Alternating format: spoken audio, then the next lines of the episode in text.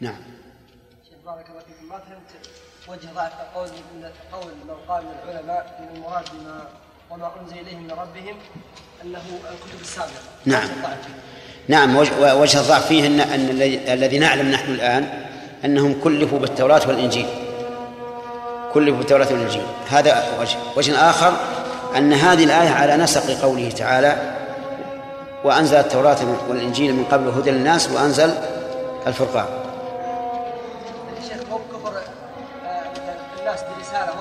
نعم. إلا بلى. لكن ما أنزل إليه. ما يقال هذا مثلا الكتاب الذي نزل على نوح نازل على على اليهود والنصارى. لكن يجب عليهم الإيمان به. كما أن التوراة والإنجيل ما نزلت علينا. لكن يجب علينا الإيمان بها. نعم يا سليم. أنت. من الأول.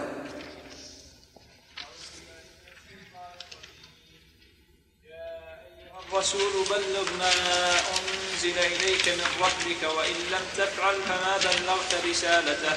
ليس إيش؟ لا يا أيها الذين اتقوا يا أيها الذين آمنوا لا تتخذوا اليهود والنصارى أولياء بعضهم أولياء بعض. ومن يتولهم منكم فإنه منهم. إن الله لا يهدي القوم الكافرين. الظالمين إن الله لا يهدي القوم الظالمين.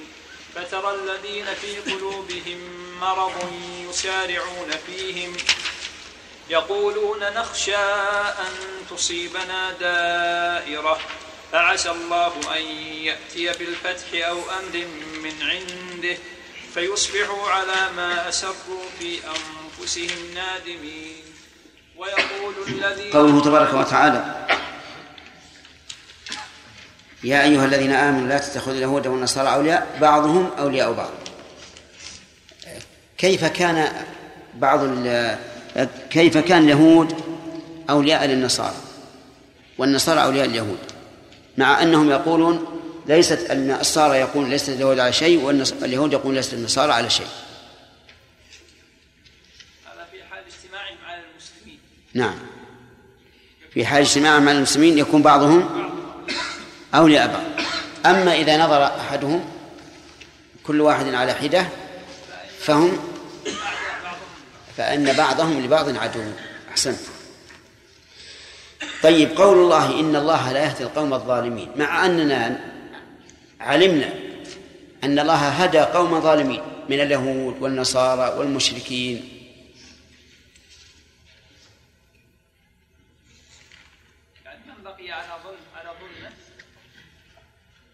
الله لا يهدي هداية التوفيق وتسديد. لا ما ما هو ظاهر نعم. اللي وراء. ممن علم الله منهم علم نعم. يعني ممن حقت عليهم كلمة الله وقضى الله عليهم بالض- بالضلال والهلاك. فتكون فيكون هذا العام أريد به إيش؟ الخاص. وفيه أيضا فيها التحذير من الظلم فإن الإنسان إذا ظلم ف فعسى أن لا يهدى والعياذ بالله لأن الله يقول إن الله لا يهدي القوم الظالمين فهو كقوله فلما زاغوا أزاغ الله قلوبهم والله لا يهدي القوم الظالمين. قوله فترى الذين في قلوبهم مرض. ما المراد بالمرض هنا؟ النفاق. نعم. ما هو دليلك على أن المراد به النفاق؟ لأنه لأنه يطلق على على النفاق وعلى غيره.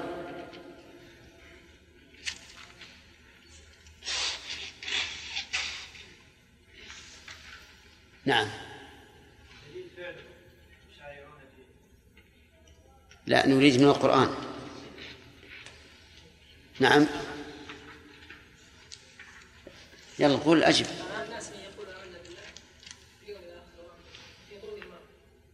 لأن قال في المنافقين في قلوبهم مرض فزادهم الله مرضا. طيب أحسنت. يطلق المرض على الكفر كما في قوله تعالى فأما الذين آمنوا فزادتهم إيمانا وهم يستغفرون وأما الذين في قلوبهم مرض فزادتهم رجسا إلى رجسهم. ويطلق على آه، الفاحشة ولا تخضعن بالقول فيطمع الذي في قلبه مرض. طيب إذن المراد بالمرض هنا إيش؟ النفاق. لأنهم هم الذين يسارعون في موالاة اليهود والنصارى ويقول نخشى أن تصيبنا دائرة. طيب. قوله فعسى الله أن يأتي بالفتح أو أمر من عنده. ما المراد بالفتح؟ الأخ القارئ. النصر. النصر أحسنت. أو أمر من عنده؟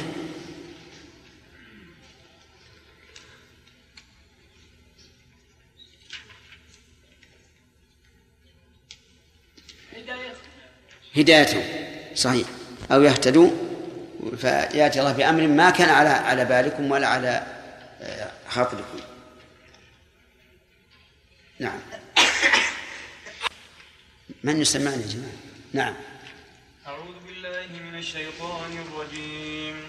ويقول الذين آمنوا أهؤلاء الذين أقسموا بالله جهد أيمانهم إنهم لمعكم. حبطت أعمالهم فأصبحوا خاسرين. يا أيها الذين آمنوا من يرتد منكم عن دينه فسوف يأتي الله بقوم يحبهم ويحبونه. أذلة على المؤمنين أعزة على الكافرين يجاهدون في سبيل الله ولا يخافون لومة لائم. ذلك فضل الله يؤتيه من يشاء. والله واسع عليم. قوله تعالى من يرتد منكم عن دينه. هل فيها قراءة أخرى؟ بفك الإدغام جواب من الشرطية فسوف يأتي الله ماذا يفيد هذا الجواب والشرط؟ أن الله عز أن هؤلاء إذا أن دين الله عز وجل ليس ليست إقامته موقوفة على هؤلاء بل إذا تولوا يأتي الله عز وجل بخير منهم كما في قوله تعالى وإن تتولوا يستبدل قوما غيركم ثم لا يكونوا أمثالكم. نعم. في هذه الآية رد على طائفة معينة من أهل البدع. نعم. من؟ فيه رد على نفاة الأفعال أفعال الله عز وجل الاختيارية.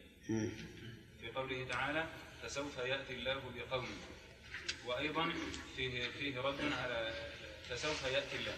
فرتب إتيان الله عز وجل بالقوم على فعله. هذا إثبات الأفعال الخيالية نعم الصفة الأخرى؟ فيه إثبات صفة المحبة محبة الله عز وجل لعبيده ومحبة العبيد لله عز وجل. طيب. من تحفظ من من أهل البدع؟ أنكر ذلك. نعم أنكر أما أما الغلاة فأنكروا أن أن الله عز وجل أنكر المحبة. يحب أو يحب. آه، وأنكر الأشاعرة أن الله عز وجل يحب عباده وأولوها بالثواب أو بإرادة الثواب. طيب وش حجتهم؟ حجتهم أن المحبة آه، أن المحبة من صفات أن المحبة من الصفات الحادثة آه، أن أن هذه الأفعال الاختيارية من الأفعال الحادثة وأنه لو اتصف الله عز وجل بها كان حادثا لأن ما قام به الحادث فهو حادث. طيب إنكارهم أن أن الله يحب. نعم. إيش حجتهم؟ الإنكار هذا قول الغلاة آه، أن الله عز وجل يحب.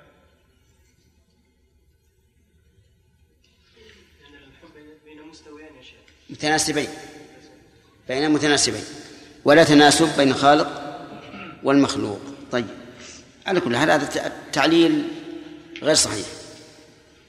طيب كيف قال أذلة على المؤمنين أعزة على الكافرين؟ أذلة على نعم.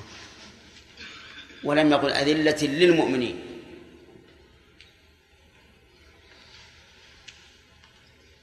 الحروف تتناول. ما يحصل هذا جواب لا بأس به لكنه يعني هزيل. نعم. كأنهم مع حنوهم وعطف عن المؤمنين فهم في ذلة وعطف. بس قال على. أذلة على. يعني كأن أحد يقول ألا تستقضي تستدعي أو تقتضي الاستعلاء؟ هم في منزلة. وكأن فوقهم لمنزلتهم وشرفهم ومع هذا فهم يدلون له. على على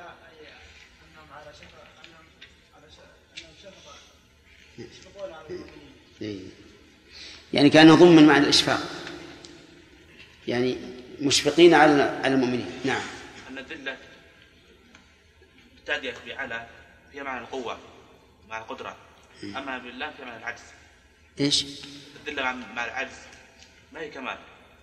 لكن كان عن قدرة التسلط فإذا ذل الإنسان كان كان كمال في حقه. إيه لكن يكونوا أ- أقوياء على المؤمنين يستعلون عليهم. بإمكانهم ذلك لكن لما منعوا أنفسهم من ذلك كان كمالا في حقهم. هذا وجهان أن هذا ليس عن ضعف إيه هذا قريب من معنى كلام محمد. على كل حال بعضهم قال كما قال الأخ الأول إن أذلة على المؤمنين يعني مضمنة مع الشفقة. يعني أذلة بشفقة على المؤمنين. وبعضهم قال إن إن ه- هذه تدل على أن الذلة صار من علو وليس من ضعف. لأن الذليل قد يكون ذليلا لضعفه لا لعلوه ولكن هذه تفيد أنهم أذلة مع العلو والرفعة.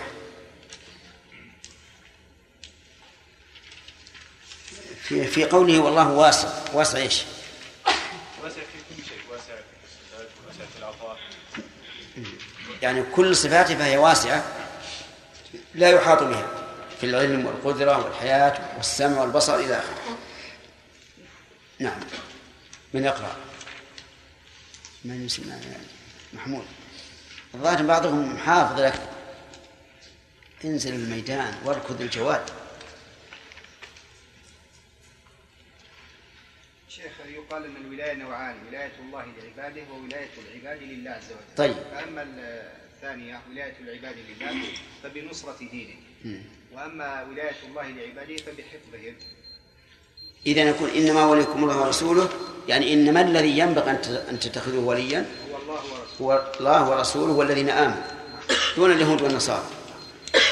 ثم رغب في ذلك فقال ومن يتولى الله ورسوله؟ يعني من يتخذ الله ورسوله؟ نعم، وليا. والذين آمنوا فإن حزب الله هم الغالبون.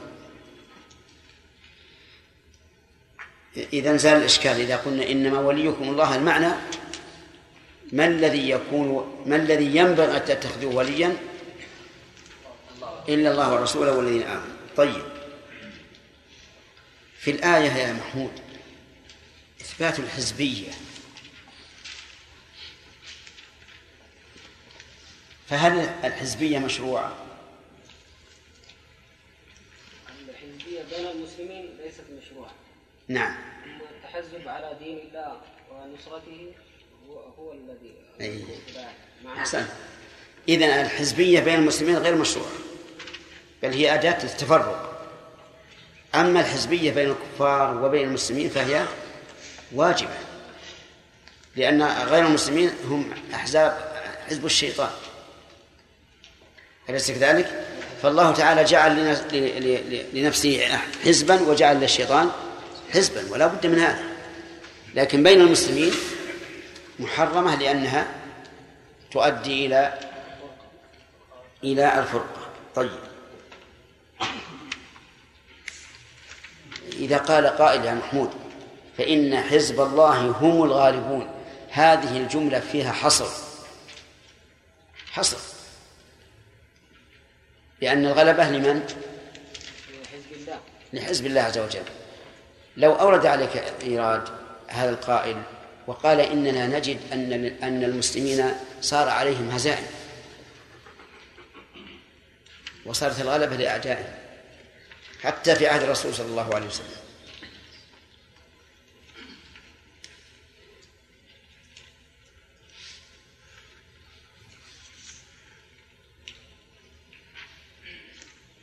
لكن النصرة النهائية هي الم- للمؤمنين يعني فهم الغالبون باعتبار النهاية باعتبار النهاية. هذا جيد. هم الغالبون باعتبار النهاية. طيب نعم. أرفع يدك نعم. قال تعالى وتلك الأيام نداولها بين الناس ويعلم الله ويعلم الله الذين آمنوا ويتخذ منكم شهداء. هذا دليل أن أحيانا الفتح وأحيانا النصر وأحيانا يعني أن الغلبة لابد أن تكون لها حكمة. غلبة غير المسلمين لابد أن يكون لها حكمة آه، وهي مثلا في أحد سببها ال- المخالفة والمعصية وفي حنين سببها الإعجاب.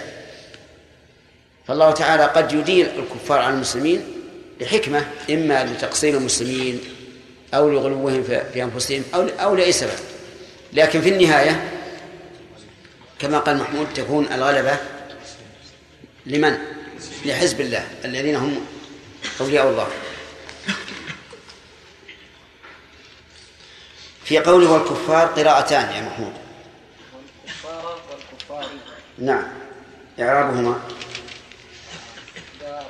والكفار يكون معطوفة على الذين الأولى نعم. وإذا قلنا الكفار معطوفة على الذين الثاني أحسنت. تمام. من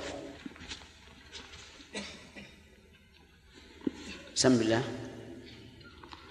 أعوذ بالله من الشيطان الرجيم. قل يا أهل الكتاب لستم على شيء حتى تقيموا التوراة والإنجيل وما أنزل إليكم من ربكم وليزيدن كثيرا منهم ما أنزل إليك من ربك طغيانا وكفرا فلا تأس على القوم الكافرين إن الذين آمنوا والذين هادوا والصابئون والنصارى من آمن بالله واليوم الآخر وعمل صالحا فلا خوف عليهم ولا هم يحزنون لقد أخذنا ميثاق بني إسرائيل كلما جاءهم رسول بما لا تهوى أنفسهم فريقا كذبوا وفريقا يقتلون. وحسبوا وحسبوا ألا تكون فتنة فعموا وصموا. فعموا وصموا ثم تاب الله عليهم ثم عموا وصموا كثير منهم. يعملون. بس كفاية. أعوذ بالله من الشيطان الرجيم. قال الله تبارك وتعالى قل يا أهل الكتاب لستم على شيء. الخطاب للنبي صلى الله عليه وعلى آله وسلم. وأهل الكتاب هم اليهود والنصارى وهم يدعون أنهم على حق وأنهم المقيمون لشرائع الله. ومع ذلك فبعضهم يقول للبعض ليس على شيء. كما قال الله تعالى عنهم وقالت اليهود ليست النصارى على شيء وقالت النصارى ليست اليهود على شيء. وكل منهم نفى أن يكون صاحبه على شيء إطلاقا. أما الله سبحانه وتعالى فهو, حكم عدل. فأمر نبيه صلى الله عليه وسلم أن يقول لهم لستم على شيء. أي لستم على شيء من الدين. وإنما نفى أن يكونوا على شيء من الدين لأن دينهم الذي عليه الذي هم عليه باطل حتى يقيموا التوراة والإنجيل. إذا لستم على شيء من من الدين لأن دينهم الذي يدعون أنه حق هو باطل والباطل عدم وليس بشيء حتى تقيموا التوراة والإنجيل. حتى هنا غائية يعني إلى أن تقيموا التوراة والإنجيل أي تأتوا بها قائمة فاعلين أوامرها تاركين نواهيها مصدقين بأخبارها. هذا معنى إقامتها. يعني تكون على بثلاثة أمور. أولا فعل الأوامر والثاني ترك النواهي والثالث تصديق الأخبار. هذا إقامته. التوراة بإزاء بإزاء اليهود والإنجيل بإزاء النصارى. ومعلوم أن اليهود لو أقاموا التوراة لآمنوا بعيسى وأن اليهود والنصارى لو أقاموا التوراة والإنجيل لآمنوا بمحمد صلى الله عليه وعلى آله وسلم. حتى تقيموا التوراة والإنجيل وما أنزل إليكم من ربكم يعني وتقيموا ما أنزل إليكم من ربكم ويعني به القرآن.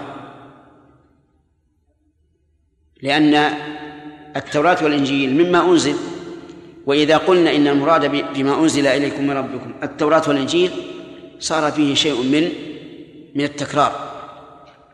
وإذا دار الأمر في الكلام بين التكرار وبين التأسيس فالواجب حمله على التأسيس والمباينة. فنقول وما أنزل إليكم من ربكم يعني بذلك القرآن.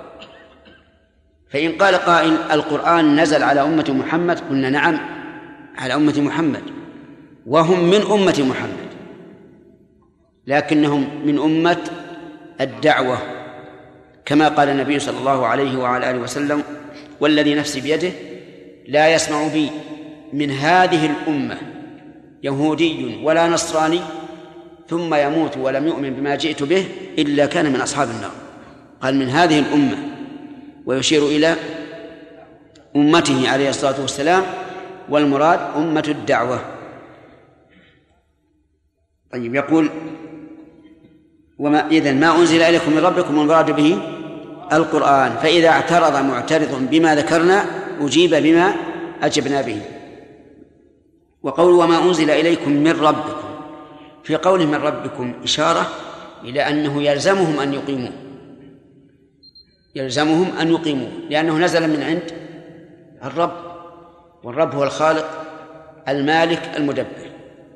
فإذا كان رب فإذا كان الله هو ربكم لزمكم أن تؤمنوا أن تقيموا ما أنزل إليكم منه لأنه ربكم سيدكم إلهكم وما أنزل إليكم من ربكم. ثم قال عز وجل ولا يزيدن هل النبي صلى الله عليه وسلم إذا أمره الله تعالى أن يقول قولا هل نقول إنه قاله؟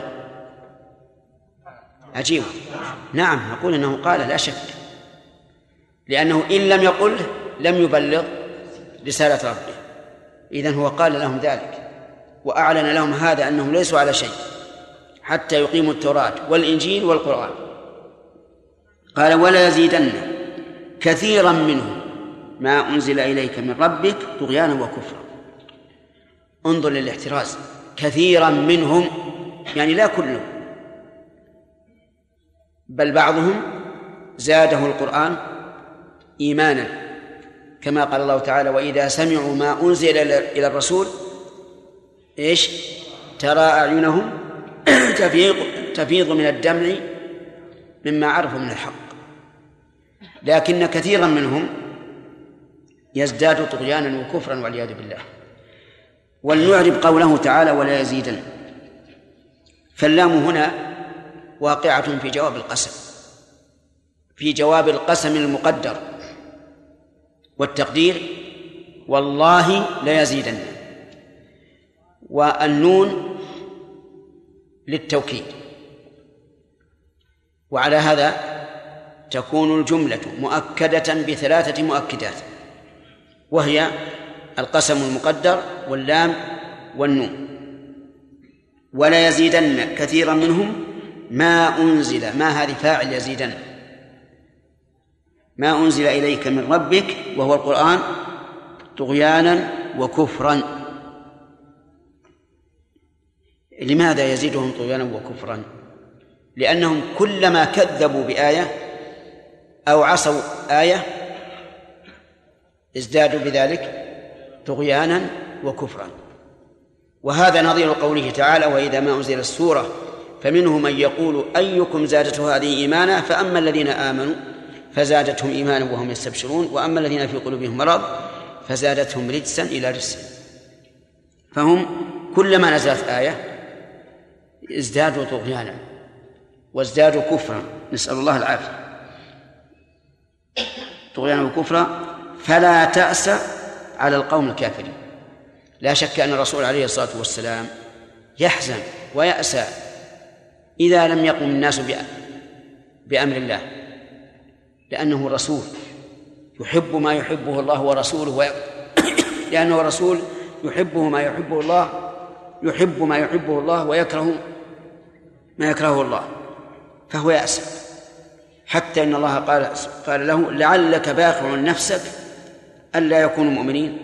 يعني مهلكا نفسك ألا يكونوا مؤمنين؟ لا لا تهتم. أد ما عليك وهو أبلغ الرسالة والباقي على الله. إن إلينا إيابهم ثم إن علينا حسابهم. فلا تأس أي لا تحزن وتأسف على القوم الكافرين الذين ردوا رسالتك. وهذا لا شك. أنه تسلية للرسول عليه الصلاة والسلام. في كونه يحزن إذا لم تجب رسالته صلى الله عليه وعلى آله وسلم. في هذه الآية فوائد كثيرة منها.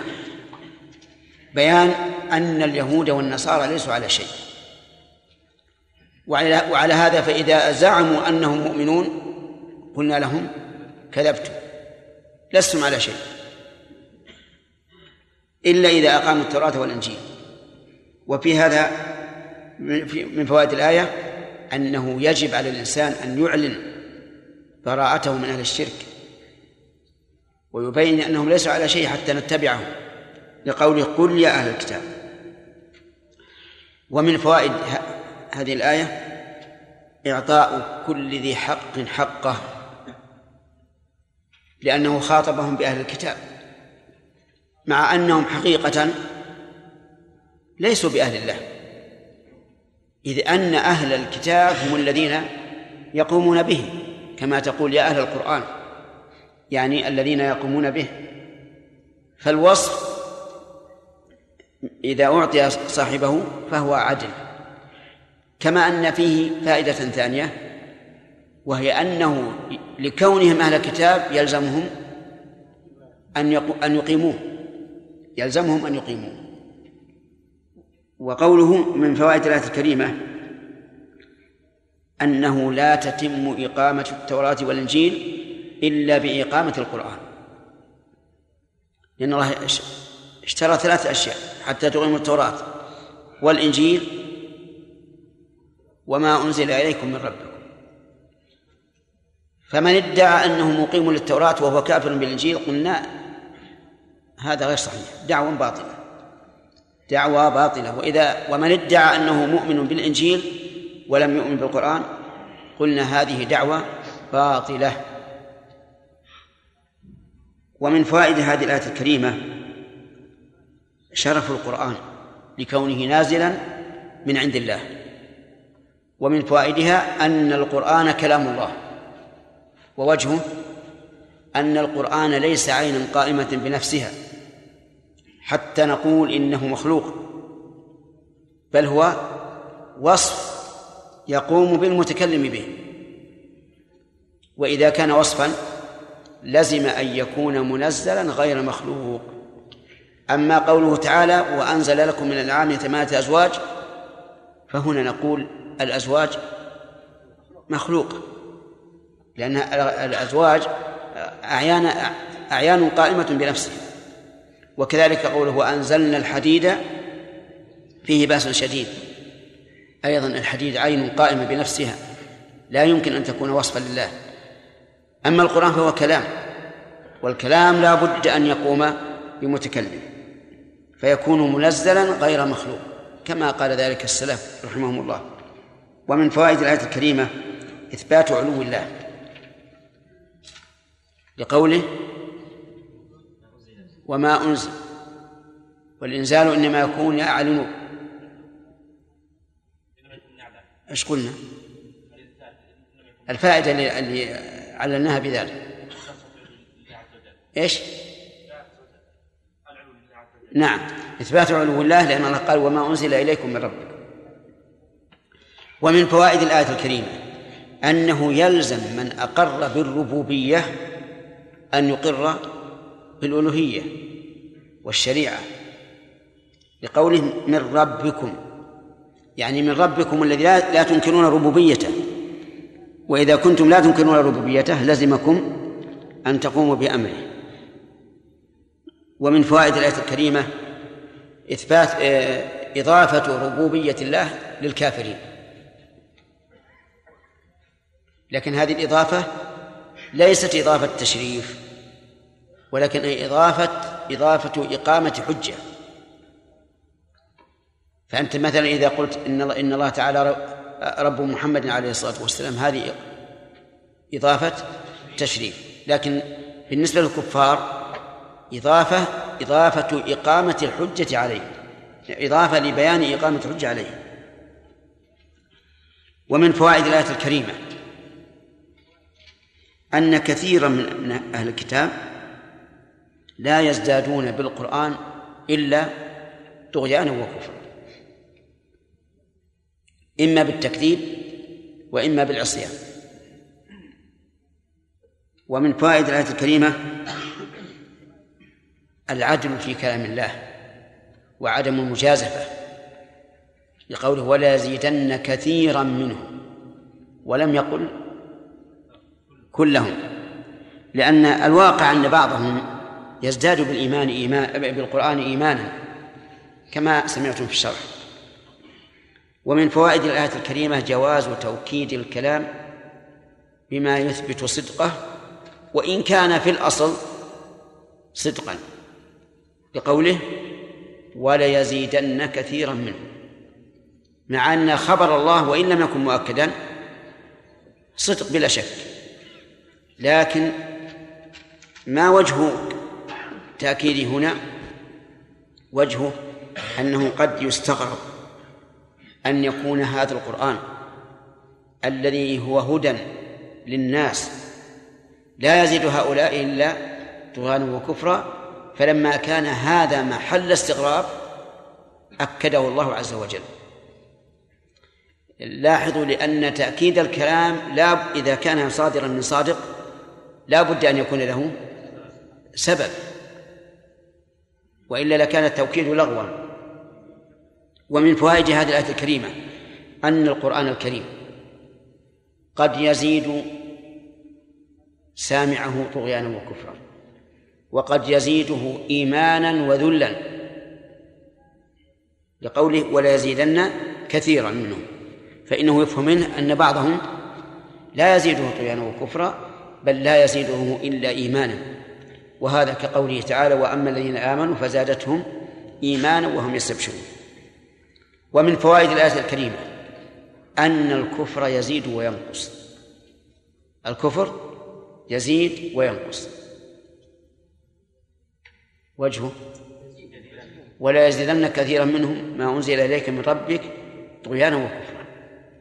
وعليه فيكون هذا شاهدا مؤيدا لما يروى عن ابن عباس رضي الله عنهما أنه قال كفر دون كفر. يعني إذا كان يزيد وينقص فلا بد أن يكون الأعلى فوق الأدنى. فيكون هناك كفر دون دون كفر. هل يمكن أن نقول وفيه دليل على أن الإيمان يزيد وينقص؟ نعم ربما نقول هذا. لأنه إذا كان الكفر يزيد وينقص وبإزائه الإيمان فلا بد أن يكون مثله يزيد وينقص.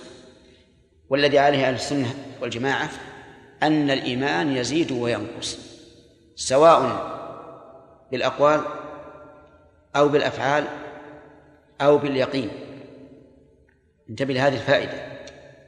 الإيمان يزيد بالأقوال فإن من ذكر الله ألف مرة ليس كمن ذكر الله آه، مئة مرة مثلا. أيهم أكثر؟ الأول. طيب. كذلك في الأفعال. ليس من صلى مئة ركعة كمن صلى مئتي ركعة. الثاني أزيد. كذلك في اليقين. اليقين يختلف الناس فيه. الإنسان نفسه أحيانا يكون في حالة صفاء وفي حالة فراغ وخال ويكون قلبه خاليا من كل شيء سوى الله فيجد لذة عظيمة في الإيمان وقوة عظيمة حتى كأنه يشاهد الله عز وجل. ولهذا قال النبي عليه الصلاة والسلام في الإحسان أن تعبد الله كأنك تراه. ويدل لهذا أن اليقين يختلف ويزيد وينقص أن الله أن إبراهيم عليه الصلاة والسلام قال رب أرني كيف تحيي الموتى؟ قال أولم تؤمن؟ قال بلى ولكن ليطمئن قلبي. هذا وهو إبراهيم الخليل عليه الصلاة والسلام. يقول ليطمئن قلبي. وهذا شيء مشاهد. ليس الخبر كالمعاينة لو أخبرك إنسان من أوثق الناس عندك ومعه مثله أو أكثر فإن يقينك بهذا الخبر ليس كيقينك به إذا إذا شهدت. طيب إذن الإيمان يزيد وينقص. وإذا كان يزيد وينقص فيجب علينا أيها الإخوة أن نلاحظ إيماننا. هل زاد؟ هل نقص؟ فمن وجد خيرا فليحمد الله وما وجد غير ذلك فلا يلومن إلا نفسه. ومن فوائد الآية الكريمة عناية الله تبارك وتعالى بمحمد صلى الله عليه وعلى آله وسلم لقوله من ربك فإن هذه الربوبية للتشريف والتعظيم وبيان أنه عليه الصلاة والسلام لم لا يمكن أن يزيد فيما أنزل إليه ولا ينقص لأنه نزل من من ربه الذي اعتنى به أتم اعتناء ومن فوائد هذه الآية الكريمة تسلية النبي صلى الله عليه وعلى آله وسلم. أن لا يأس على القوم الكافرين. حتى إن الله تعالى بين له في آية أخرى أنه أن ما حصل منهم واقع بمشيئة الله من أجل أن يطمئن. كما قال تعالى ولو شاء نعم. ولو شاء الله ما أشركوا وما جعلناك عليهم حفيظا. فإذا كانت شركهم بمشيئة الله فإن الرسول لا شك سوف يرضى لكن لا يمنعه من الدعوة إلى الله. قال فلا تأس على القوم الكافرين. فإن قال قائل وهل هذا أيضا يوجه إلى الداعي إلى الله؟ بمعنى أنه لو جاء أحد يشكو إليه يقول أنا نصحت هؤلاء القوم ولكنهم لم يأخذوا بنصيحتي. بل كابروا واستهزأوا وسخروا. هل لك أن تقول يا أخي لا تأسف لا تحزن لا يضق صدرك؟ أو لا؟ نعم أقول هكذا. حتى أفرج عنه وأفصح له. ولا يقنط. فلذلك ينبغي للإنسان إذا جاءه أحد من دعاة الخير أو من الآمرين بالمعروف والنهي عن المنكر يشكو إليه أن يوسع له فيه ويفسح له ويقول لا تأس على هؤلاء. لكن بعض الناس إذا جاء أحد يشكو أو أه الناس خراب. من يبي يقدرهم إلا الله؟ ونسأل الله العافية. يبي يحل بنا غضب ونقمة. ثم يدخل عليه حزنا على حزن. وهذا غلط. لأن الداعي إلى الله إذا قام بما يجب عليه ما بعد ما وراء ذلك فهو إلى إلى الله عز وجل. ثم قال الله تعالى إن الذين آمنوا والذين هادوا والصابئون والنصارى من آمن بالله واليوم الآخر وعمل صالحا فلا خوف عليهم ولا هم يحزنون. قوله تعالى إن الذين آمنوا يعني إيمانا حقيقيا. إيمانا حقيقيا وليس كما قال بعضهم إيمان نفاق لأنه لا يمكن أن يعبر عن المنافق بالمؤمن ما دام على نفاقه. انتبهوا لهذا. لا يمكن أن يعبر عن المنافق بالمؤمن ما دام على نفاقه. أما قبل أن ينافق يمكن أن يكون آمن ثم كفر كما قال عز وجل في المنافقين ذلك بأنهم آمنوا ثم كفروا. لكن يعبر عن المنافق حال نفاقه بإيش؟ بالإسلام. يمكن يعبر عنه بالإسلام لكن بالإيمان لا يمكن. ولهذا ضعف قول من قال إن المراد بالذين آمنوا أي آمنوا بألسنتهم دون قلوبهم. نقول هذا لا يمكن أن يقع التعبير به في القرآن أبدا. لكن الذي حملهم على هذا أنه قال عز وجل من آمن منهم بالله. وقال كيف نقول إن الذين آمنوا من آمن منهم؟ يكون هذا تكرار. يكون تكرارا. لكن يمكن أن نقول من آمن اسم مشترك. فيكون باعتبار الذين هادوا والنصارى والصابئين أي من دخل في الإيمان وباعتبار الذين آمنوا أي من ثبت على إيمانه لأن الإنسان قد يؤمن ثم يكفر نسأل الله العافية. هذا وجه. الوجه الثاني أن نقول إن الذين آمنوا هذه إن واسمها. أما خبرها فمحذوف دل عليه ما بعده. والتقدير إن الذين آمنوا لا خوف عليهم ولا هم يحزنون. وعلى وعلى هذا التقدير يكون قوله والذين هادوا. مبتدأ. فتكون الواو للاستئناف أو معطوفة على محل إن واسمها. أفهمتم؟ والذين تكون إيش إعرابه؟ مبتدأ. الذين هادوا يعني بذلك اليهود. ومعنى هادوا رجعوا.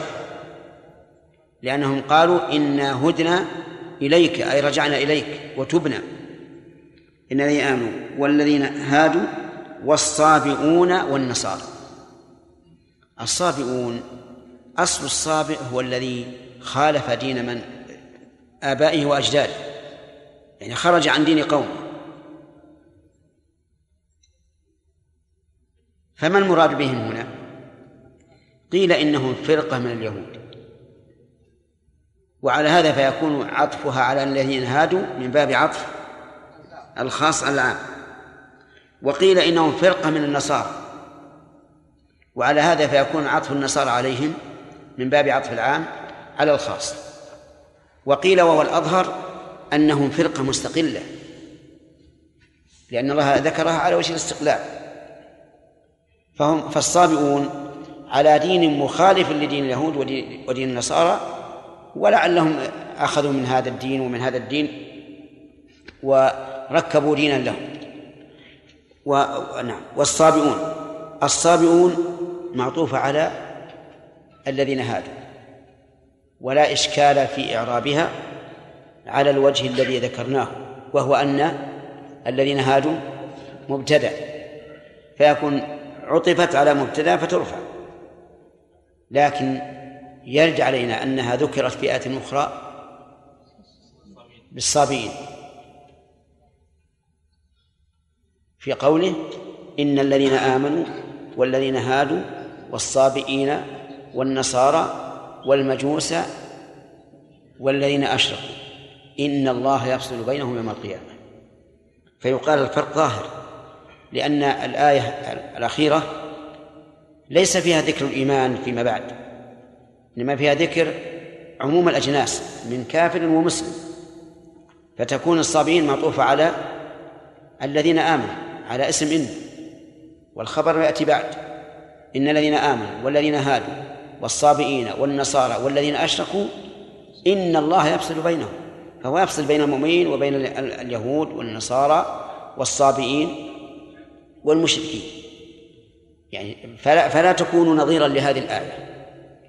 وإذا لم تكن نظيرا لها لم لم يكن إعرابها كإعرابها. طيب الصابئون والنصارى الذين ناصروا عيسى عليه الصلاة والسلام. قيل إنها مأخوذة من النصرة. وقيل إنها مأخوذة من الناصرة اسم بلدة وفي, وفي كل منهما شيء من الإشكال لأن النصارى لا تتطابق في الترتيب مع النصرة ولا مع الناصرة لكنه لا شك أن المراد بهم بالاتفاق هم الذين تابعوا عيسى عليه الصلاة والسلام. من آمن بالله واليوم الآخر من آمن بالله إعراب من آمن هل نقول إنها شرطية؟ أو نقول إنها اسم موصول. في ذلك قولان. أحدهما أنها شرطية وعلى هذا فيكون جواب الشرط إيش؟ فلا خوف عليه. وتكون جملة الشرط خبر المبتدأ. يعني الجملة الشرطية خبر المبتدأ. ويجوز أن تكون من اسما موصولا فتكون بدلا أو عطف بيان لما سبقها ويكون محلها محل ما سبق. يعني محلها في يكون محلها في الإعراب محل ما سبق. وعلى هذا فيكون الخبر قوله فلا خوف عليهم ولا هم يحزنون. وربطت بالفاء لأن الذين هادوا اسم موصول وهو يشبه الشرط في العموم. مفهوم؟ ولا والله؟ مفهوم. طيب. قوله من آمن. من آمن؟ ما محل آمن من الإعراب؟ إن قلنا من شرطية فمحلها الجزم على أنها فعل الشرط. وإذا قلنا أنها اسم موصول فلا محل لها من الإعراب لأنها صلة الموصول. من آمن بالله واليوم الآخر آه، وعمل طيب إذا قال قائل أين العائد على التقدير على أنها شرط أو اسم موصول؟ نقول العائد محذوف. وقد ذكر في آية أخرى في سورة البقرة إن الذين آمنوا والذين هادوا والنصارى والصابئين من آمن منهم بالله واليوم الآخر. فيكون المحذوف في هذه الآية قد دل على حذفه الآية الأخرى. من آمن بالله واليوم الآخر وعمل صالحا. لا بد من الإيمان بالله. والإيمان بالله يستلزم الإيمان بكتبه ورسله وملائكته وقدره. وش بقي؟ اليوم الآخر. اليوم الآخر. فالإيمان بالله متضمن لخمسة أركان من الإيمان. الإيمان بالله وإيش؟ ملائكته وكتبه ورسله. اليوم الآخر القدر. نعم والقدر. اليوم الآخر فصل. والحكمة من ذلك أن الأركان الأربعة أجملت تحت الإيمان بالله وهذا خص لأن الإيمان باليوم الآخر هو الذي يحمل الإنسان على على العمل. إذا كان الإنسان في شك من اليوم الآخر والعياذ بالله لا لن يعمل. ماذا يرجو وماذا يخاف؟ فلا يمكن الإيمان حقيقة إلا بالإيمان باليوم الآخر. لأن الإيمان به هو الذي يحمل على إيش؟ على القيام بشريعة الله. الإيمان بالله عز وجل. قلنا إنه يتضمن الإيمان بملائكته وكتبه ورسله والقدر خيره وشره. إيه، وقولها اليوم الآخر هو يوم القيامة. وأل فيه للعهد. والآخر يعني الذي لا يوم بعده. لأن نهاية مطاف الخلق هو اليوم الآخر إما إلى الجنة وإما إلى النار. جعلنا الله وإياكم من الجنة. وعمل صالحا. نعم الإيمان باليوم الآخر. قال شيخ الإسلام رحمه الله يدخل في الإيمان باليوم الآخر الإيمان بكل ما أخبر به النبي صلى الله عليه وسلم مما يكون بعد الموت. كل ما أخبر به الرسول مما يكون بعد الموت فهو داخل في الإيمان باليوم الآخر. فتنة القبر عذاب القبر نعيم القبر وكذلك ما يكون بعد قيام الساعة من الحساب والميزان والكتب والصراط والحوض والشفاعة وغير ذلك. وقول عمل صالحا نعم. الأسئلة نقبل هذا. طيب. بارك الله فيكم. يعني تكثر عبارة لمن يشتكي مثلا من سواء في دعوة في غيرها يقال له سوي اللي عليك والباقي على الله. هل تصح هذه العبارة؟ أي نعم تصح. لكن شيخ مو بالكل على الله. لا الباقي يعني ما وراء طاقتك على الله. يعني ليس عليك. مثل إن إلينا إيابهم ثم إن علينا حسابهم. طيب شيخ مو حتى عمل الإنسان يعني على الله. لم هذا من الله. من الله وإذا ولا بد من عون الله عليه. صريح مثل ما تقول أعطي فلانا عشرة ريالات والباقي على فلان. وهذا واضح أيضا. أنت الآن اللي عليك هو هذا. وبلغت. والباقي على الله. لست مكلفا به. نعم. في توحيد الربوبية غالبا هذه الصفات الثلاثة. لأن الله هو الخالق والرازق نعم. لماذا اقتصر عليه؟ ها؟ لماذا يقتصر؟ ما في غيره الرب معناها الخالق المالك المدبر. ما في غيره. نعم. أن الكفر يزيد وينقص. أن الكفر نعم. يزيد وينقص. نعم. ما وجه الذين يستدلون أن أن تارك الصلاة ليس بكافر ويقولون أن النبي صلى الله عليه وسلم قال العهد الذي بيننا وبينهم الصلاة فمن تركها فقد كفر. نعم. يقولون هذا كفر يعني نعم. فكيف نرد عليه؟ لا نقول نرد عليه بنفس الحديث. قال بيننا وبينهم فاصل. فإذا كان هذا بيننا وبينهم معناه فاصل بين الكفر والإيمان. وفي أيضا حديث جابر أنه قال عليه الصلاة والسلام بين الرجل وبين الشرك والكفر ترك الصلاة. انتهاء أي لو لم الصلاة طيب. ما دام الرسول قال من تركها فقد كفر وأطلق كيف نقيدها؟ وإذا قيدناها بمن جحد الفريضة قلنا هذا غلط. لأنك لأن من جحد الفريضة يكفر ولو صلى. والحديث يقول فمن تركها. وإذا قال المراد تركها مع الجحد فنقول هذا الرجل ألغى الوصف الذي اعتبره الشرع وأتى بوصف لم يعتبره الشرع. لأن الجحد الجحد يكفر به الإنسان بالإجماع. إلا حديث عهد بإسلام لا يدري فهذا يعلم. نعم. أحسن الله عليك هل هل صحيح بقول من يقول بأن أمة الإسلام لن يقوم لها قائمة حتى ينزل الله عز وجل عيسى عليه الصلاة والسلام ويبعث المهدي؟ فهل هذه المقولة صحيحة؟ والله ما أدري. لا الظاهر أنها ما تصح. أما في طائفة فقطعا لأن الرسول يقول عليه الصلاة والسلام لا تزال طائفة من أمتي على الحق.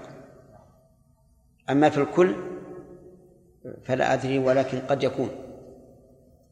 من حقيقة الأمر إذا رأيت المسلمين اليوم ولا أدري عن المستقبل وجدت أنهم في حال لا تستقيم على النصر. متشتتون متفرقون وبعضهم يحكم بغير ما أنزل الله ويستهزئ ويسخر بالدين وأهل الدين. نسأل الله أن يعود أن يعيد للمسلمين مجده. نعم. وما أنزل إليكم ما تفيد العموم. نعم. فلماذا لا يحمل على يعني هذه الجملة يحمل عليها القرآن أولا والتوراة والإنجيل أيضا من باب التوكيد. ما حاجة ما حاجة يكون يذكر آه، القرآن وحده استقلالا واستنادا إلى الآية التي سقناها. فيه نعم ها؟ نعم. نعم. إيه. ما حاجة. ما دام نص عليها حتى تقيموا التراث والإنجيل وما أنزل إليكم ما حاجة نقول داخل في العموم. وجعل هذه الجملة خاصة بالقرآن أبلغ في رفعة القرآن حتى يكون القرآن موازيا للكتابين جميعا. ها؟ إيش؟ نعم. إي نعم نقول المراد بها القرآن. وأنزل وأنزل التوراة والإنجيل من قبل هدى للناس وأنزل الفرقان. نعم يا يحيى. لا يحيى صاحب الجدار. قام يتكلم وكان موضوع كلمته القرآن وفي أثناء حديثه كان يقول الذي قال عنه ربه اي هذا غلط غلط عظيم. يعني يتكلم عن القرآن فيقول إن القرآن هو الذي قال عنه ربه. هذا غلط. هذا يوحي بمذهب الجهمية. وإن كان لها وجه في اللغة العربية إذا علمنا أن المتكلم يعني من أهل السنة الأقحاح. لأن الرب يأتي بمعنى الصاحب كما قال تعالى سبحان ربك رب العزة والعزة وصف لله عز وجل. لكن بمعنى صاحب العزة. على كل حال هذه يجب تنزيه اللسان عنها. يجب أن ينصح أنصح يا يحيى انصح هذا غلط. هذا يوهم العامة أن أن القرآن مخلوق. نعم. الله سبحانه وتعالى عبر ولا كثيرا. إيش؟ عبر ولا كثيرا. نعم. ولم يقل أكثرهم. نعم. لا قد يكون أكثرهم مقلدا. قد يكون أكثرهم مقلدا. ولا يزداد طغيانه كفرا لكنه مقلد مع العامة. نعم. الله اليك هل هي هل يصح الدعاء؟ اللهم إنا هدنا إليك. بمعنى رجعنا. رجعنا أو نسأل يصح. إذا علم المعنى يصح. نعم.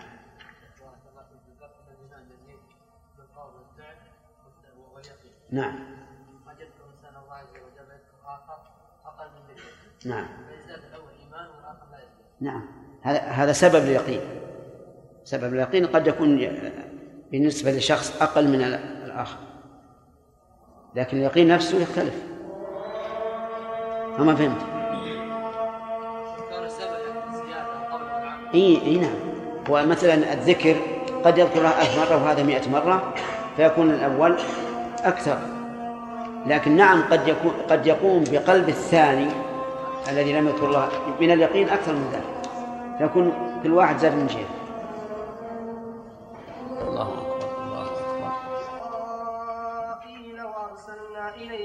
وأرسلنا وأرسلنا. وأرسلنا وأرسلنا إليهم رسلا. كلما جاءهم رسول بما لا تهوى أنفسهم فريقا كذبوا وفريقا يقتلون. وحسبوا ألا تكون فتنة فعموا وصموا ثم تاب الله عليهم. ثم عموا وصموا كثير منهم. والله بصير بما يعملون. أعوذ بالله من الشيطان الرجيم. قال الله تبارك وتعالى قل يا أهل الكتاب لستم على شيء. ما معنى هذه الجملة؟ علي. ها؟ على حق على شيء حجة نعم. إلا أن تقيم التوراة والإنجيل إيش؟ إلا أن تقيم التوراة والإنجيل إيه لكن مش معنى لستم على شيء. على حق. لست على حق. نعم. ما شيء من الدين. لستم على شيء من الدين. لأنهم يدعون أنهم هم أهل الكتاب وأنهم أهل الدين. فيقول لستم على شيء. نظيرها؟ يا علي. نظيرها. القرآن؟ إي نعم. قال جل وعلا ليست النصارى على شيء. النصارى على- ليست اليهود الكتاب كذلك قال نعم المهم إنهم كل واحد منهم قال للطائفة الأخرى ليس على شيء. ليس على شيء. أي ليس على دين. قوله حتى تقيموا التوراة والإنجيل. بماذا تكون إقامتهما؟ نعم. أحسن فعل الأوامر وإجتناب النواهي وتصديق الأخبار. وقوله ما أنزل إليكم ما المراد به؟ عبد الله. إيش؟ المراد بالقرآن الكريم. المراد القرآن الكريم. طيب. هل له في القرآن ما يؤيد هذا؟ نعم. ها. الذي أنزل التوراة والإنجيل من قبل هدى للناس وأنزل الفرقان. نزل عليك كتاب الحق مصدقا لما بين يديه؟ وأنزل التوراة والإنجيل. من قبل هدى الناس وأنزل الفرقان بارك الله فيك. طيب.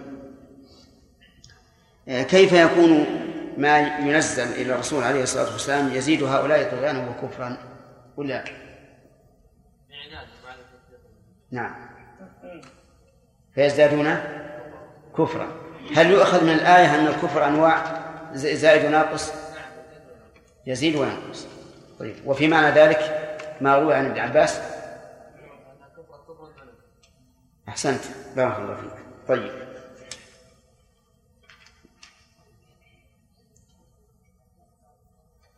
قوله فلا تأس على القوم الكافرين. معناه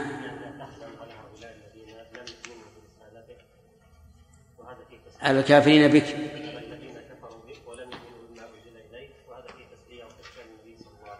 تسلية للرسول عليه الصلاة والسلام. طيب. هل في القرآن ما يدل على أن الرسول عليه الصلاة والسلام كان يضيق صدره؟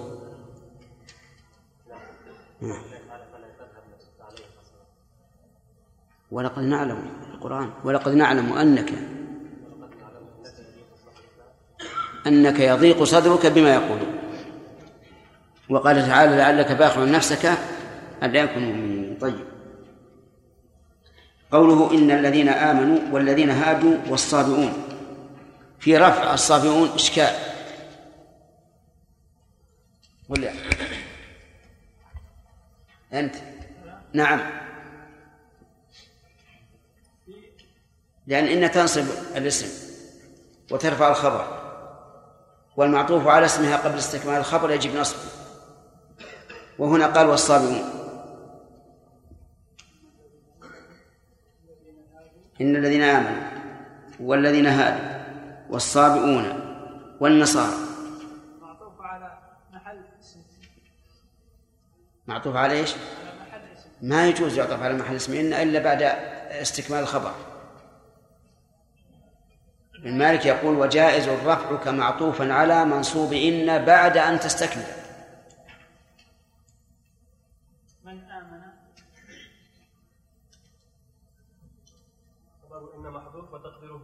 لا لا أنا أشكال في الصابئون. لماذا رفعت وهي معطوفة على يعني لم تعطف على إن الذين.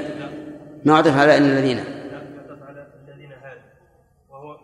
والذين هادوا منصوبة ولا مرفوعة؟ مرفوعة. كيف ترفع وهي معطوفة على منصوب؟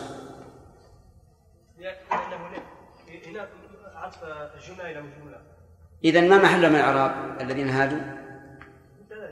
مبتدأ صحيح تمام. ما الذي يرجح هذا القول؟ قل أن الذين مبتدأ غير معطوف على أن الذين آمنوا. قل يا أخي. اسمك؟ محمد. يلا يا محمد. ما تدري. ما حضرت؟ حضرت لكن ما رجعت. ما رجعت. اللهم اهدنا فيما هديت. طيب. سامع نعم. وهذا يصدق على الذين ماتوا ومن بعدهم لماذا؟ لأنه إن الذين آمنوا لا يقال إن الذين آمنوا من آمن منهم. نعم. لأنهم مؤمنون. طيب إذا يرجح آخر الآية. أن الذين هادوا مبتدأ. تمام. طيب. ذكر الله عز وجل من آمن بالله واليوم الآخر وسقط وترك عز وجل آه، أشياء من أركان الإيمان. يلا محمود. من آمن بالله واليوم الآخر ذكر ركنين من أركان الإيمان. ولم يذكر الباقي.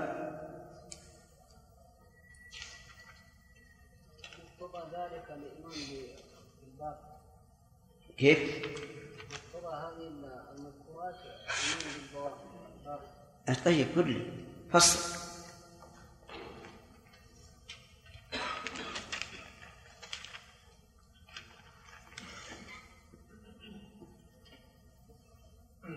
ما حضرت؟ حاضر. ليش؟ أريك مثل بيوم ما رجعت. اللهم اهدنا فيمن هديت. ما يصلح هذا. نعم. زكي. لأن الإيمان بالله يقوم الإيمان بالملائكة والرسل والكتب والقدر الخيره والشر أحسنت. الإيمان بالله يشمل الإيمان بملائكته وكتبه ورسله والقدر خيره وشره. طيب. آه، اليوم الآخر. نعم. ما هو؟ ما هو؟ لك ما هو عينه يوم القيامة. لماذا سمي اليوم الآخر؟ لأنه لا يوم بعده أحسن.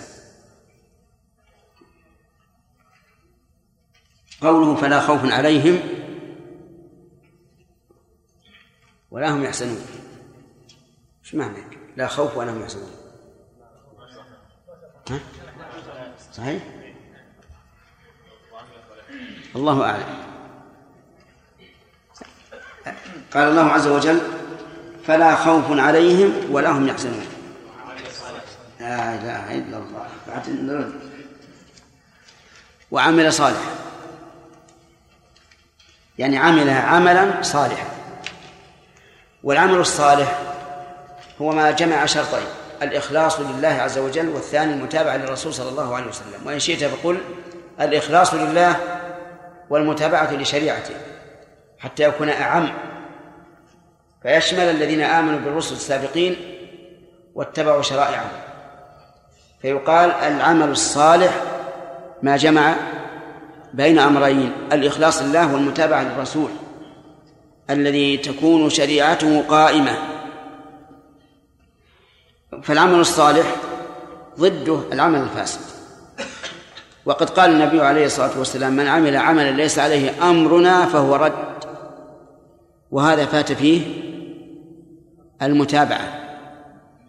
وقال النبي صلى الله عليه وسلم فيما يرويه عن ربه أنه تعالى قال أنا أغنى الشركاء عن الشرك من عمل عملا أشرك فيه معي غيري تركته وشركه. وهذا فقد فيه الإخلاص.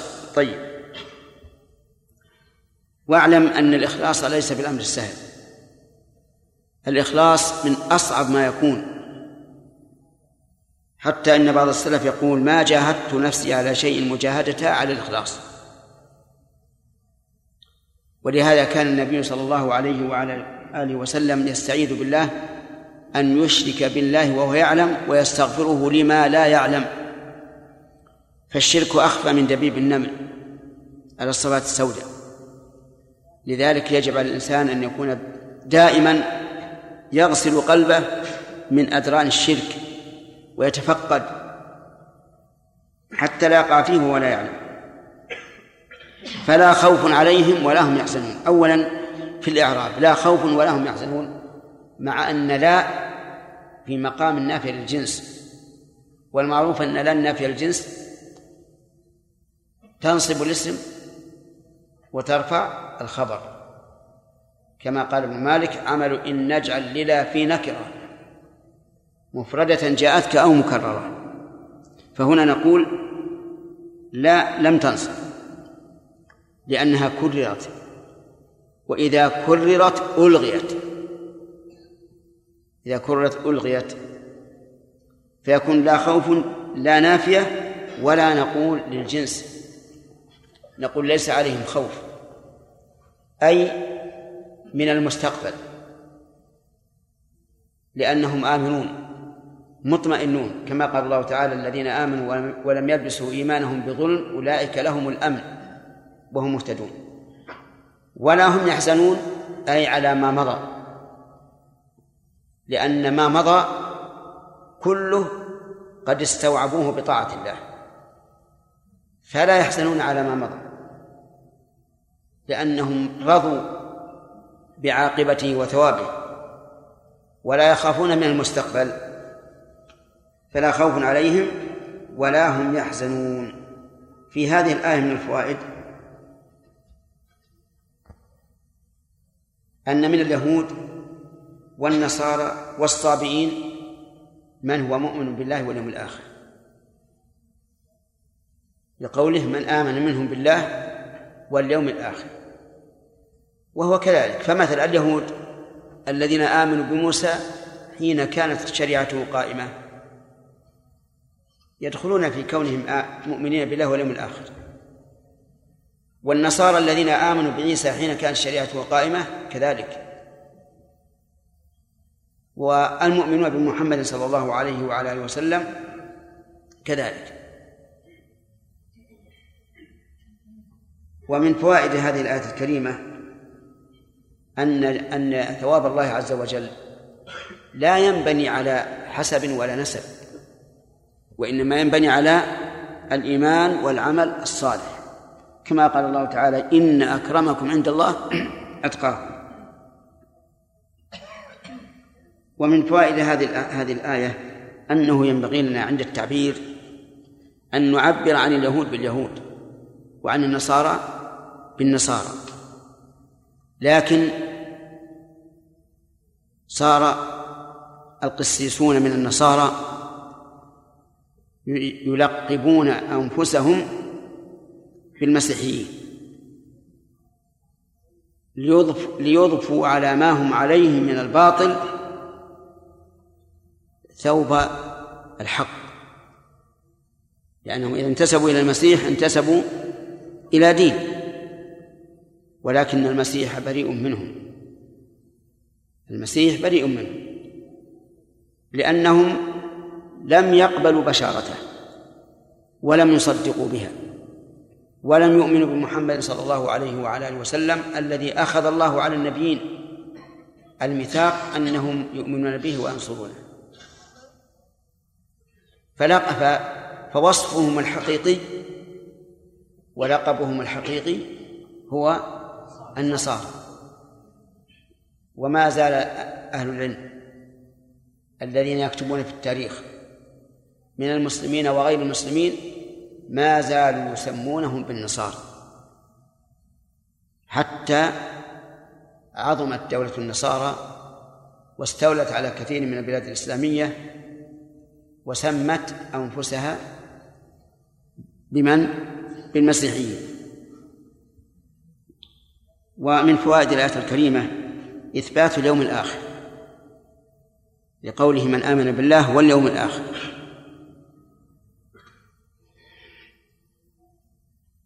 ويدخل في الإيمان باليوم الآخر كل ما يكون بعد الموت.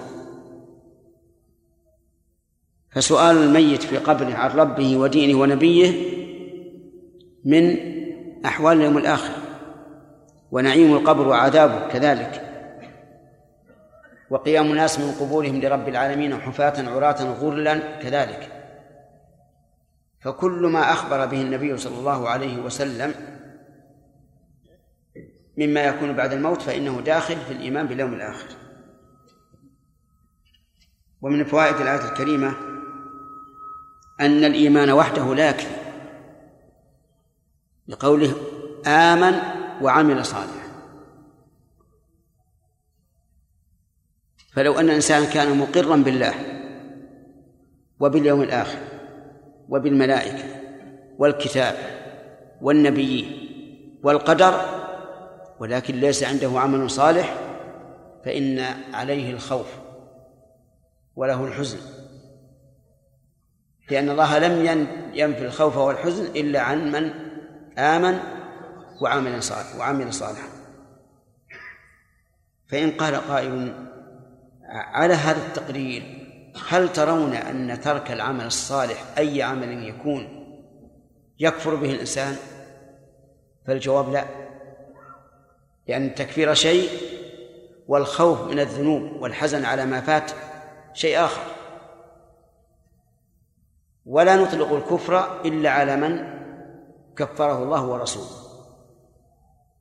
ولا نطلقه إلا على من كفره الله ورسوله.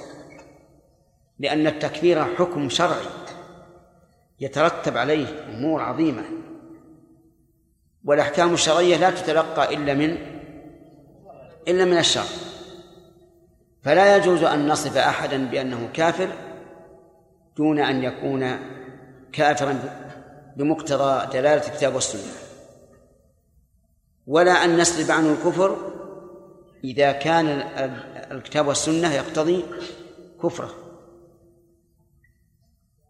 ولكن يبقى النظر إذا جاء إطلاق الكفر في القرآن والسنة. فهل نحمله على الكفر الأكبر أو على الأصغر؟ فالجواب الواجب أن نحمله على الكفر الأصغر. هذا الواجب لأن الأصل بقاء إسلام المسلم. فلا نخرجه من دائرة الإسلام إلا إيش؟ إلا بيقين.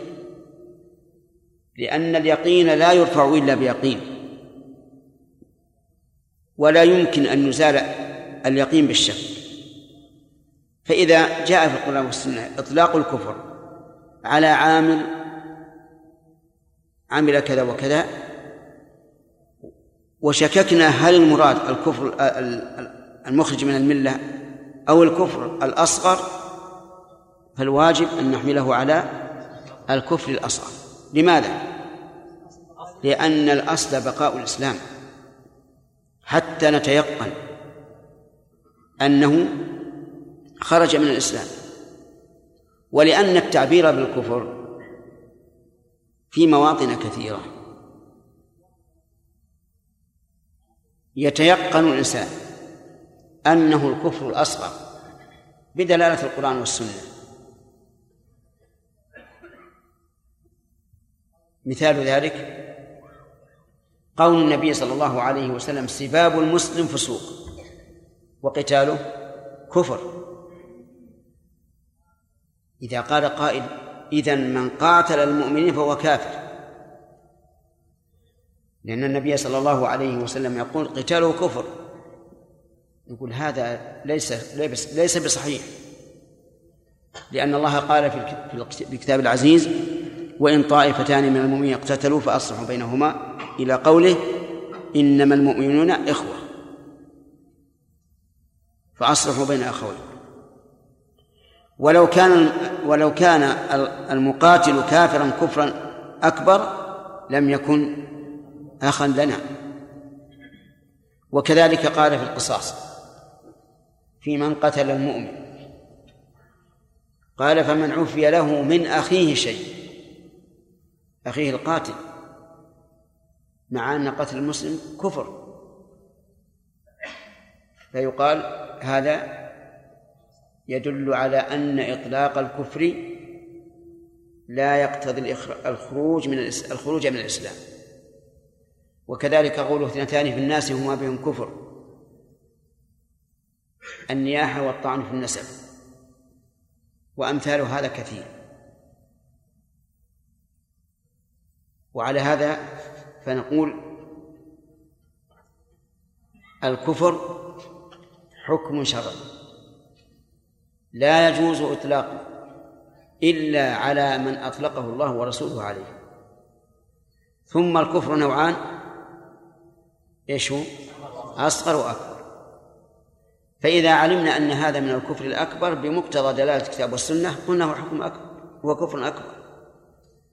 وإذا لم نعلم وجب حمله على الكفر الأصغر لأن الإسلام متيقن والكفر مع مع الاحتمال ليس بمتيقن. ولأنه لا يمكن أن نستبيح دم المسلم إلا بنص صريح واضح.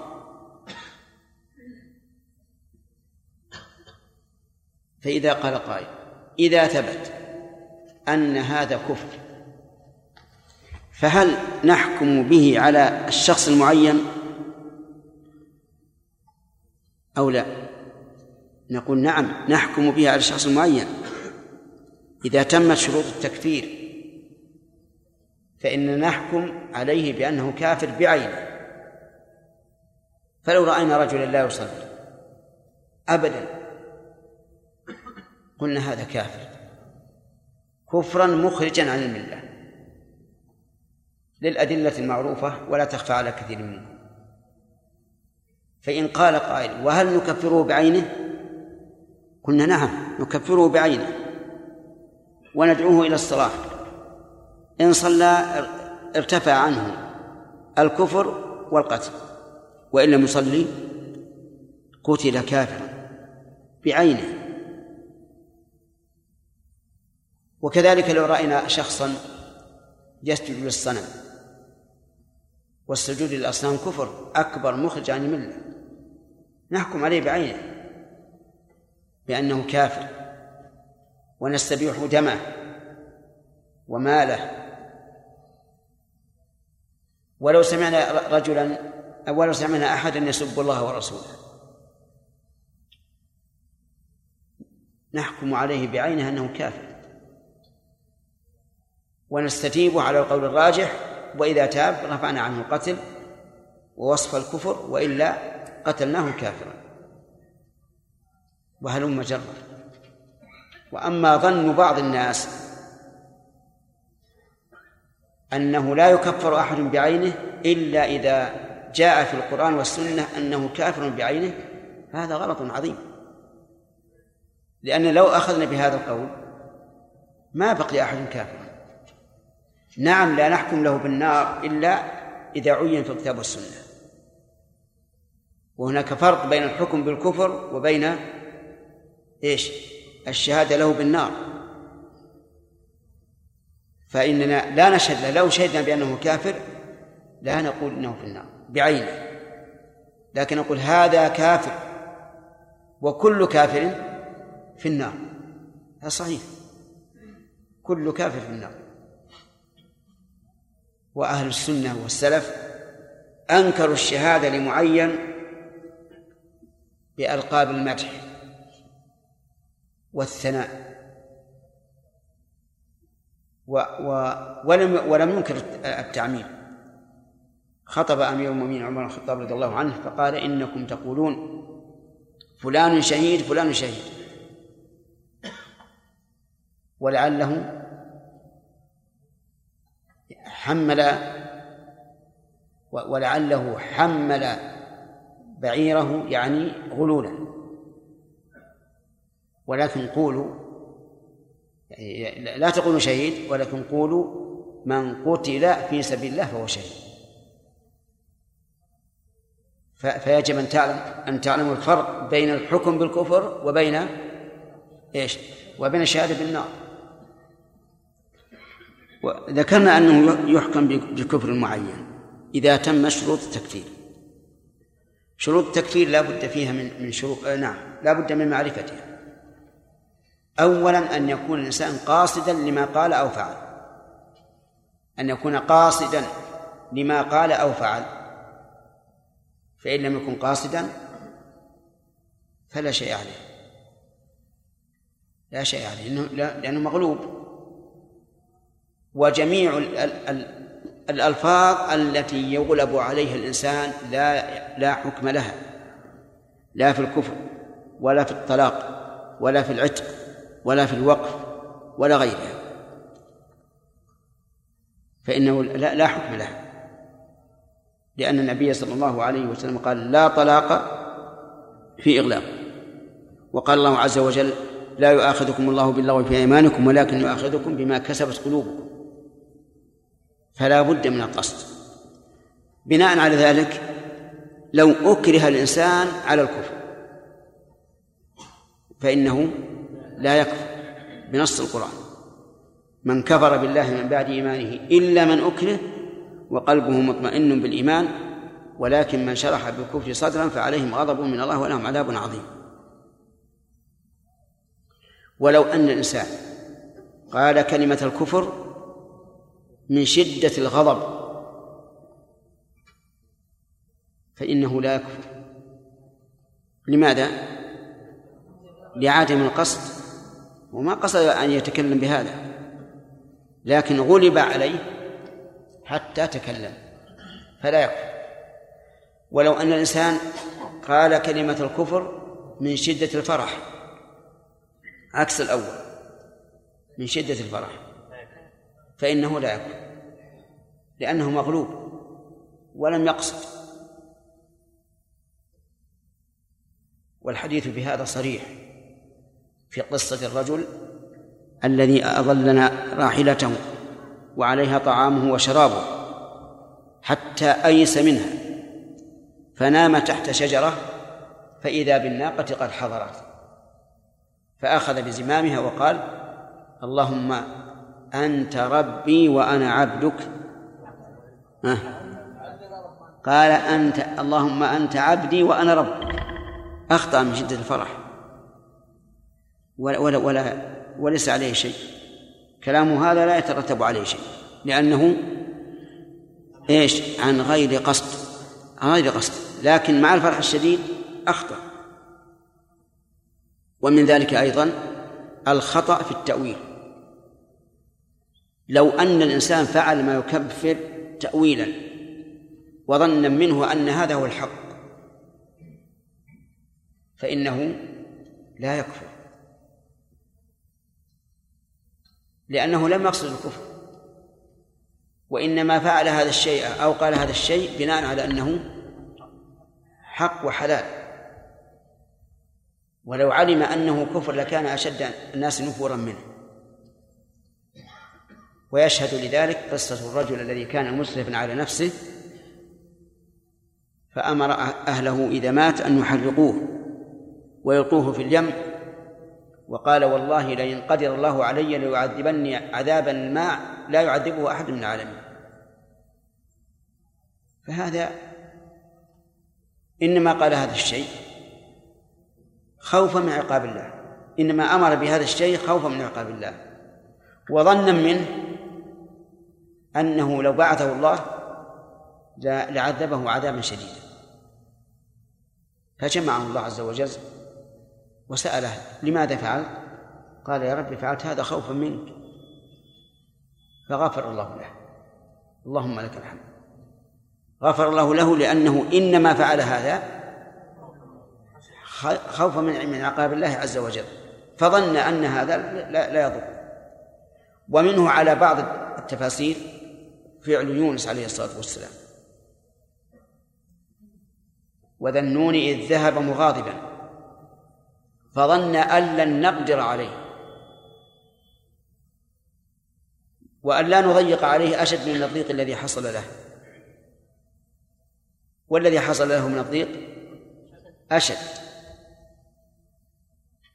ولكنه عليه الصلاة والسلام لا شك أن هذا ما قاله إلا عن تأويل أو ما ظنه إلا عن تأويل وهذه مسألة مهمة وبها نعم وعليها بنى الإمام أحمد رحمه الله في إحدى الروايات عنه بنى عليها أن الخوارج ليسوا كفارا أن الخوارج ليسوا كفارا لماذا؟ لأنهم استباحوا دماء المسلمين بإيش؟ بتأويل. هم يرون أنهم يتقربون إلى الله بقتل المسلمين لأنهم لا يرون أنهم على حق أي أن المسلمين ليسوا على حق. فهم متأولة. ومن العلماء من أطلق كفرهم بناء على الأحاديث الواردة فيهم. و والآخرون قالوا ها هذا في الخوارج المعينين الذين خرجوا على علي بن أبي طالب. وليس كل خارج يكون كافرا فالمهم الآن وش اشتراطنا؟ القصد. وهذا من أهم شيء. طيب الجاهل. الجاهل غير قاصد للمخالفة. وانتبهوا لهذه المسألة ترى مهمة جدا جدا. القصد. الجاهل الذي يسجد للصنم ظنا منه أنه ليس حراما لأنه عاش في بلد الكفر. وكان حديث الإسلام. فظن أن هذا لا يضر. فهل نقول إنه كافر لأنه مشرك؟ أو لا؟ لا نقول هذا. حتى نعلمه أن هذا شرك. فإذا أصر على ذلك وقال إنه وجد أباه على ذلك صار كافر.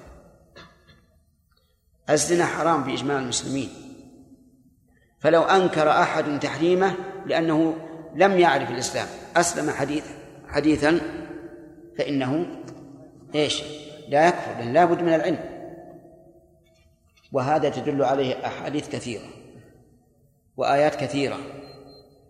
قال الله تعالى وما كنا معذبين حتى نبعث رسولا. وقال تعالى وما كان ربك مهلك القرى حتى يبعث في أمها رسولا يتلو عليهم آياتنا وما كنا مهلك القرى إلا وأهلها ظالمون. ومن الظالم؟ الظالم الذي يفعل المخالفة عن قصد وعلم. وأما من فعل عن جهل أو خطأ في تأويل أو غيره فليس بظالم. فلا, فلا بد من من مراعاة هذه الأشياء. لئلا تزل القدم. فتكفر من لم يكفره الله ورسوله. وإذا كفرت من لم يكفره الله ورسوله باء الكفر عليك. نسأل الله العافية. كما جاء في الحديث الصحيح. أن من دعا رجلا بالكفر أو قال يا عباد يا عدو الله وليس كذلك حار عليه. أي رجع عليه. عكس ذلك من من لا يكفرون بترك الأعمال أبدا. حتى ما جاء به الشر لا لا لا يقرون به. فيقولون إنه لا كفر إلا في الاعتقاد فقط. وأما الأعمال فليس فيها كفر. يزني يسرق يقتل يترك الصلاة يترك الزكاة يترك الحج هو لا يكفر. وهذا وهذا خطأ. ودائما الحق يكون بين طرفي نقيض إما إفراط وإما تفريط. والواجب علينا أن نتعبد لله عز وجل بما نذكر من أحكامه وبما نفعل من شريعته. فلا نذكر من أحكامه ما, ما, ما لم يذكره. إذا كان الله يقول لا تقولوا لما تصف ألسنتكم الكذب هذا حلال وهذا حرام لتفتروا على الله الكذب؟ فكيف بالذي يقول هذا كفر وهذا وهذا إسلام؟ هذا أشد. لأن الكفر يا أخواننا يترتب عليه إيش؟ أحكام عظيمة. يترتب عليه أن هذا الذي حكمنا بكفره دمه حلال وماله حلال ولا يبقى معه زوجة ولا يدفن مع المسلمين. وإذا كان إماما يجب الخروج عليه. وما أشبه ذلك. من الأمور العظيمة. هنا المسألة كلمة تقال. المسألة خطيرة جدا. ثم مع ذلك هؤلاء الذين يكفرون من لم يكفر الله ورسوله هم يكفرون بماذا؟ بقتالهم المسلمين. قتالهم المسلمين كفر كما جاء في الحديث الصحيح.